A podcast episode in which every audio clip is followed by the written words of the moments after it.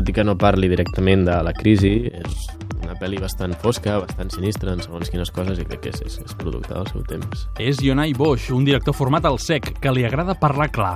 El 2011 va debutar amb Amanecidos i ara torna a presentar-nos un singular retrat dels joves d'ara ambientat a Madrid. Tot plegat a través d'una nit de festa amb una posada en escena moderna i molt autèntica. Me dejó hace un mes. ¿Dónde está Betty? Les aventures de Lili Ojos de Gato s'ha fet amb un equip de 20 persones que no han cobrat. És un cinema fet amb molta il·lusió i amb un pressupost molt baix, tot i que al Yonai no li agrada la definició de produccions low cost.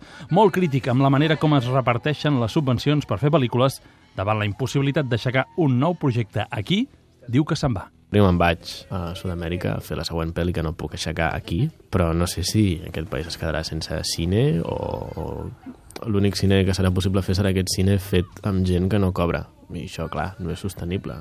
Jo puc fer una, dos pel·lis així, però no puc tenir una filmografia així. I on aniràs de Llatinoamèrica? Començaré per Equador, per Quito.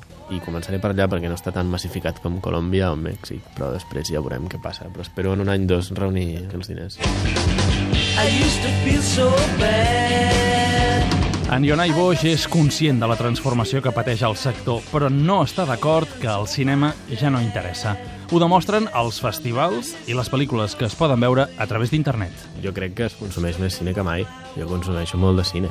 Que passa que, clar, me'l baixo perquè la distribució en aquest país està fatal i me l'he de baixar. I si no em pogués baixar totes les pel·lis que em baixo, sabria molt menys de cine de lo poc que sé ja, perquè he tingut accés a un munt de pel·lis, un munt de directors molt interessants que aquí no arriben.